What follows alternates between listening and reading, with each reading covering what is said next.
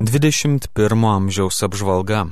Naujausime 21 amžiaus numeryje Mindaugas Buika straipsnėje Švedijos kardinolo svarstymai apžvelgia, ką nedidelės Švedijos katalikų bendruomenės vadovas sostinės Stokholmo vyskupas kardinolas Andersas Arborelijus sakė interviu Vatikano žiniasklaidai.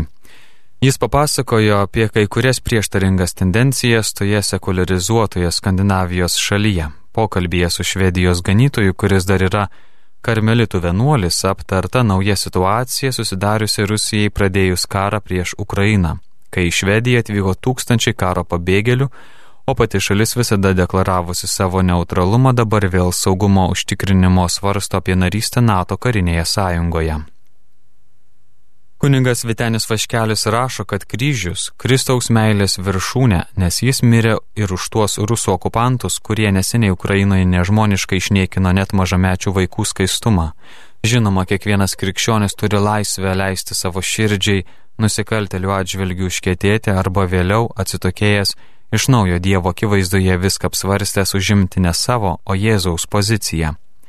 Kadangi Jėzus nenori, kad kas nors patektų į pragarą, todėl skatina melstis už savo persekiotojus ir net mylėti savo priešus, linkint jiems atsivertimo, o ne pasmerkimo.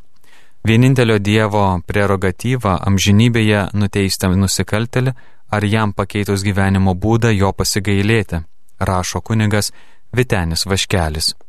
Danutė Baguškienė pasakoja apie Luokės Vytauto Kleivos gimnazijos mokytojų lydimų parapijos klebono kunigo Virginijaus Palionio apsilankymą net trijose bažnyčiose - Kretingos, Palangos ir Gargždų.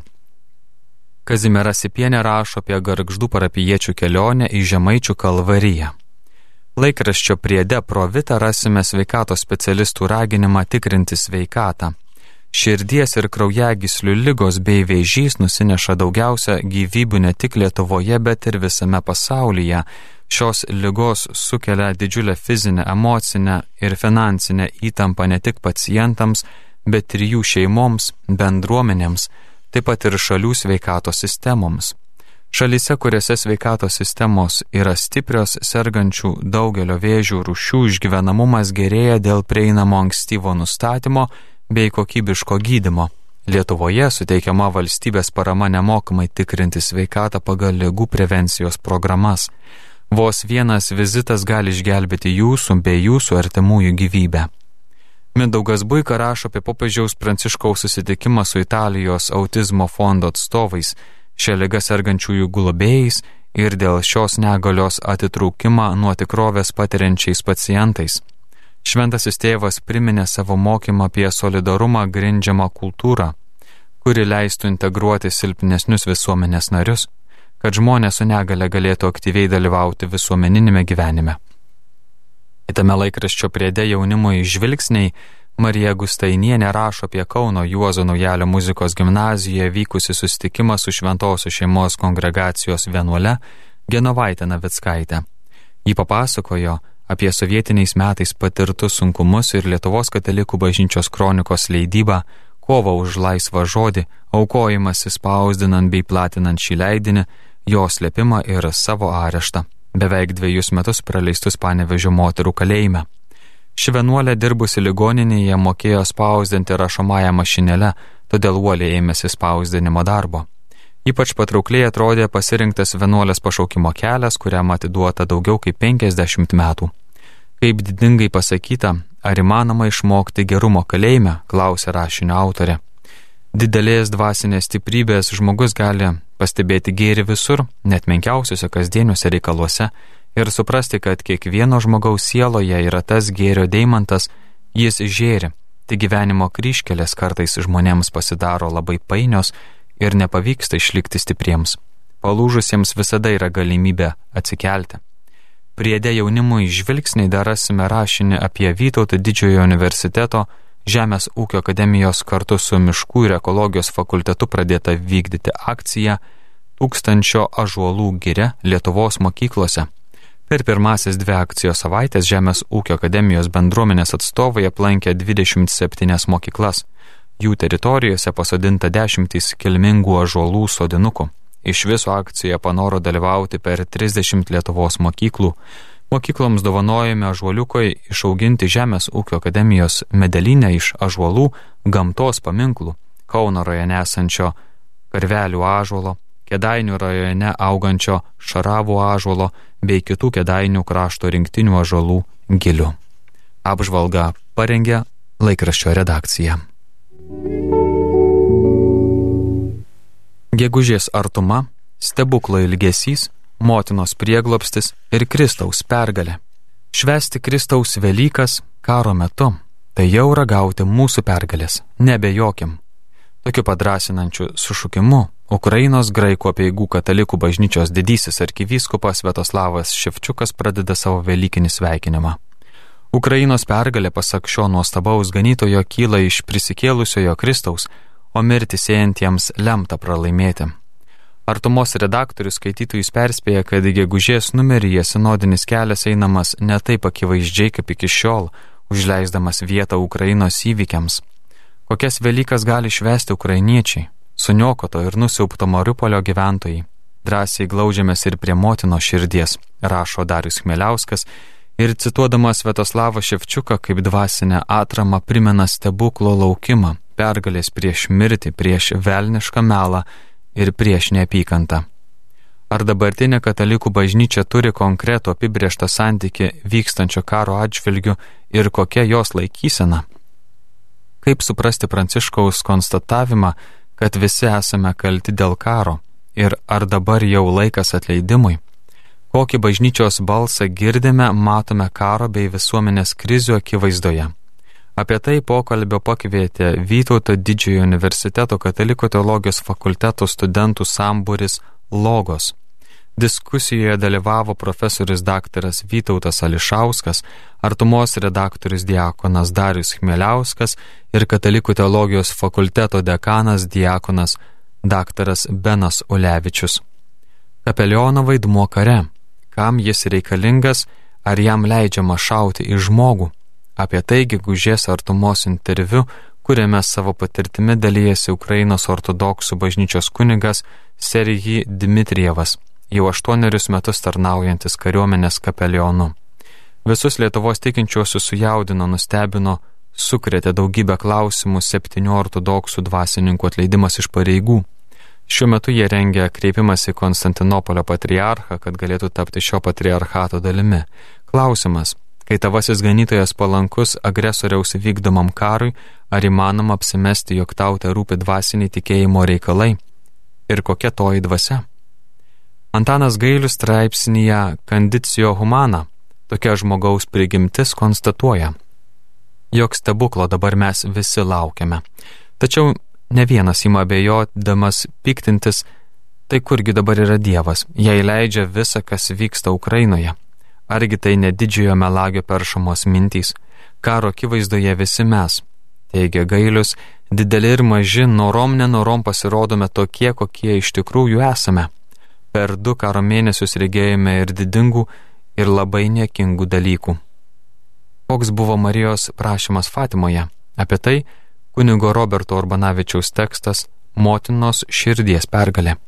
Kodėl paukojimai nekaltai Marijos širdžiai, o šie vykę ne kartą, nebuvo regėtojos Liucijos iš Fatimos primti, kokių sąlygų jie netitiko ir ar išpildė tas sąlygas popiežiaus pranciškaus vadovautas paukojimas.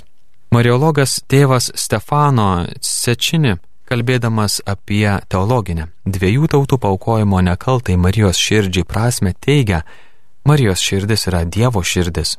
Turime galvoti, kad Marija yra ta, kuri pasidalijo savo vieninteliu sūnumi su tėvu. Marija, pasak žymaus Mariologo, savo meilę gali daug ką perkeisti, kad mes sukurtume geresnį pasaulį. Gegužę skaitytojus kviečiame į gegužinę viešpatės apreiškimo švenčiausiai mergelį Marijai parapiją, esančią Kaišėdorių viskupijoje.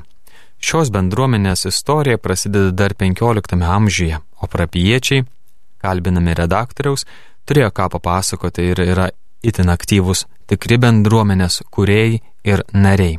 O klebonas kuningas Algirdas Akelaitis, skaitytojams jau pažįstamas kaip Biblijos žinovas, paklaustas, ko reikia, kad bendruomenė būtų gyva, atkreipia dėmesį į to krašto kamieninės šeimas.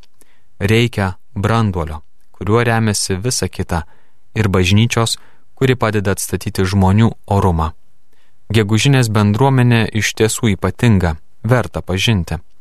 Jei norite tapti kažkuo kitu nei esate, jei drasko bejonės dėl šeimininio gyvenimo, dėl dviejų žmonių santarvės, jei jūsų šeimoje nesusikalbėjimas jau virsta karu, o juk tai mažasis pasaulio modelis, skaitykite gegužės numeryje apie ilgą dviejų žmonių kelią į laimę ir kiek daug reikia įveikti nusigalėjimu, tačiau nuostabusis gydytojas viešpats visuomet gailestingai išties pagalbos ranką, jei tik patys ištiesime savoje. Apie tai Nidos ir Vytauto santokinės kelionės pasakojimas išpažintis. Juk mažėjant melo, daugėja laimės ir žinoma laisvės. Apžvalga parengė Dovilė Zelčiūtė. Leidinio Magnificat vaikams gegužės birželio mėnesio pristatymas. Naujasis gegužės birželio mėnesio Magnificat vaikams numeris pasitinka išties šventiškai.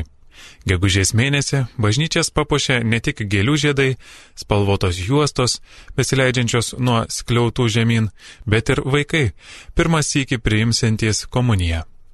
Tai visus metus laukta graži šventė. Vaikai, jų tėvai ir seneliai ir visa bendruomenė šves draugystę su Jėzumi. Magnifikat vaikams gali būti puikiai dovana vaikui pirmosios komunijos proga, o taip pat tapti nuolatiniu draugu tikėjimo kelyje. Noriu tapti Jėzaus draugu, neretai sako vaikai besiruošiantis pirmąjį komunijai. O kaip jai pasiruošti, kodėl svarbu reguliariai lankytis mišiuose, kas svarbu priimant švenčiausiai sakramentą, kaip paaiškinti švenčiausios sakramentos lėpinį, apie visą tai numeryje vaikams įdomiai pasakoja katechetė Angelė Laurinavičianė. Angelė su meilė ir atsidavimu ruošia vaikus pirmąjį komunijai visų šventųjų bažnyčioje Vilniuje. Ten ji ir kiti katechetai susitinka ir bendrauja su vaikais, atiduoda visą širdį bei jėgas, tačiau yra darbas, kurį padaro tik Dievas. Ko labiausiai reikia, kad galėtume ateiti ruoštis pirmajai komunijai? Klausima katechetės Angelės. Jie atsako, aš manau, kad samoningumo, kai svarbiausia mano tvirta draugystė su Dievu. Reikia, kad vaikas suprastų, ką ir kodėl daro. Dar reikalingas ir reguliarus lankymasis mišiuose. Pirmąjį komunijai ruošiamės visus metus, o kaip ruoštis kas kart einant komunijos? Vėlgi jos klausima. Šventosios mišios nuo pat pradžių veda mus to momento link. Visos šventosios mišios yra skirtos pasirengimui priimti komuniją ir išgyventi artumą su Dievu. Pradžios malda, atsiprašymas, Dievo žodis ir jo aiškinimas, o po to išgyvename tą paslaptį, sako Angelė. Žengiant pirmuosius žingsnius bažnyčioje kartais būna nedrasu, o Magnificat vaikams numeryje vaikai ras savo šventųjų mišių knygelę. Ji padės sekti šventų mišių eigą ir aktyviai juose dalyvauti. Gegužės birželio numeryje, kaip ir visose numeriuose, taip pat rasite sekmadieninių šventų mišių skaitinius su paaiškinimais, smagiamis užduotėlėmis ir iliustracijomis. Perskaitę Evangeliją vaikai kviečiami ją apmastyti, o tą padaryti padės trumpa rubrika - Apmastyk Evangeliją. Tai padės ugdyti tikrasias krikščioniškas vertybės, pagalvoti, ar gyvenime iš ties jomis vadovaujuosi. Numerėjo vaikai taip pat ras patrauklias skiltis skirtas maldai, kad kiekvieną dieną gyventų Dievo akivaizdoje. O gal ne visi dar žino, kas yra gegužinės ir birželinės pamaldos? Apie jas vaikams patrauklią formą pasakojama žurnalo puslapiuose. Be abejo, kiekvienas numeris yra lydimas įdomių susitikimų ir pokalbių. Šį kartą kviečiame susipažinti su širvintose gyvenančia šeima, kuri augina septynis vaikučius ir labai mėgsta gėdoti. Jie papasakos, kaip jiems sekasi kartu melstis. Štai kaip gražiai mama Jana pasakoja apie bendrą maldą. Meldžiamės prieš valgį, tuomet paprastai gėdame. Vaikams primtiniausia gėdoti, tai labai mėgstame. O vakarais visi susirenkame šeimos maldai. Priklaupėme prie maldos kampelio. Kai matome, kad vaikai ramesni ir galime ilgiau melstis, tuomet kiekvienas padėkojame ir išsakome Dievui prašymus. Ir vaikai dėkoja. Tikriausiai ne vienas vaikas tevelių klausia, o kodėl bažnyčiose langai spalvoti. Atsakymus rasite naujajame Magnificat vaikams numeryje, nes jo pagrindinė tema - vitražai mūsų bažnyčiose. Vaikai ne tik sužinos apie vitražus. Jie taip pat galės atlikti kūrybinės užduotis, patys nuspalvinti vitražą arba pagal aprašytą eigą pasigaminti vitražą savo langui. Pasirodo, Lietuvos bažnyčiose neturime labai senų vitražų. Vieni seniausių ir vertingiausių siekia XIX amžių. Juos galite pamatyti Vilniaus Šventų Jonų bažnyčioje ir Rokiškio Švento apaštalo Mato bažnyčioje. Neabejotinai akį nudžiugins ir naujesni vitražai kitose Lietuvos bažnyčiose. O žurnaliuke pamatysite nuostabius Šartro, Paryžiaus Dievo motinos katedros, Cistersų vienuolyno ir Kauno Dievo kūno bažnyčios vitražus. O kokie langai jūsų bažnyčioje? Gal verta kartu su vaikais juos patirinėti, o paskui aprašyti pateiktoje užduotyje. Prisiminti, kokios spalvos jūsų bažnyčios vitražai, kiek jų ten yra, kokios jie formos, gal ten įžiūrite kokį veikėją. Šį kartą žinoma meno ir bažnyčios istorikė Irena Vaišvilaitė pasakoja apie apaštalus Jokūbą vyresnįjį ir Joną. Vaikai kviečiami juos atpažinti meno kūriniuose, pateiktose linksmoje užduotėlėje. Šį kartą kviečiama patirinėti Romos Laterano Švento Jono bazilikos skulptūras bei vieną metropoliteno meno muziejuje esančią skulptūrą. Visą tai padės geriau pažinti apaštalus. Angelų rubrikoje pasakojama apie angelų išvaizdą ir jų vaizdavimą. Ir ne tik. Kiekviename numeryje vaikai supažindinami su sakralaus meno kūriniais. Todėl pažvelg įdėmiau dalyje tyrinėjama Šventos Hildegardos vizija - devyni chorai. Čia išvysite angelų chorus, kuriuos vizijoje matė ši šventoji. Taip vaikai mokomi tyrinėti, pastebėti sakralaus meno kūrinio detalės ir jas suprasti. Apie šventąją Hildegardą skaitykite paskutinėme žurnaliuko puslapyje. Siūloma išsikirpti šventosios paveikslėlį ir dėti kartu su kitais paveikslėliais į savo šventųjų knygelę. Na ir be abejonės komiksai. Koks žurnalas vaikams be jų? Komiksai šventojo rašto tema padės vaikams giliau suprasti Dievo žodį, o šį kartą kviečiame keliauti prie Tiberiados ežero ir kartu išgyventi Jėzaus pasirodymo savo mokiniams sceną. Magnificat vaikams skirtas 7-12 metų vaikams. Tai puikus pagalbininkas šventose mišiuose ir draugas tikėjimo kelyje. Jį galite užsiprenumeruoti www.magnificat.lt, įsigyti katalikiškose knygynuose ir savo parapijoje. Leidinio Magnificat vaikams apžvalgą parengė leidinio redakcija.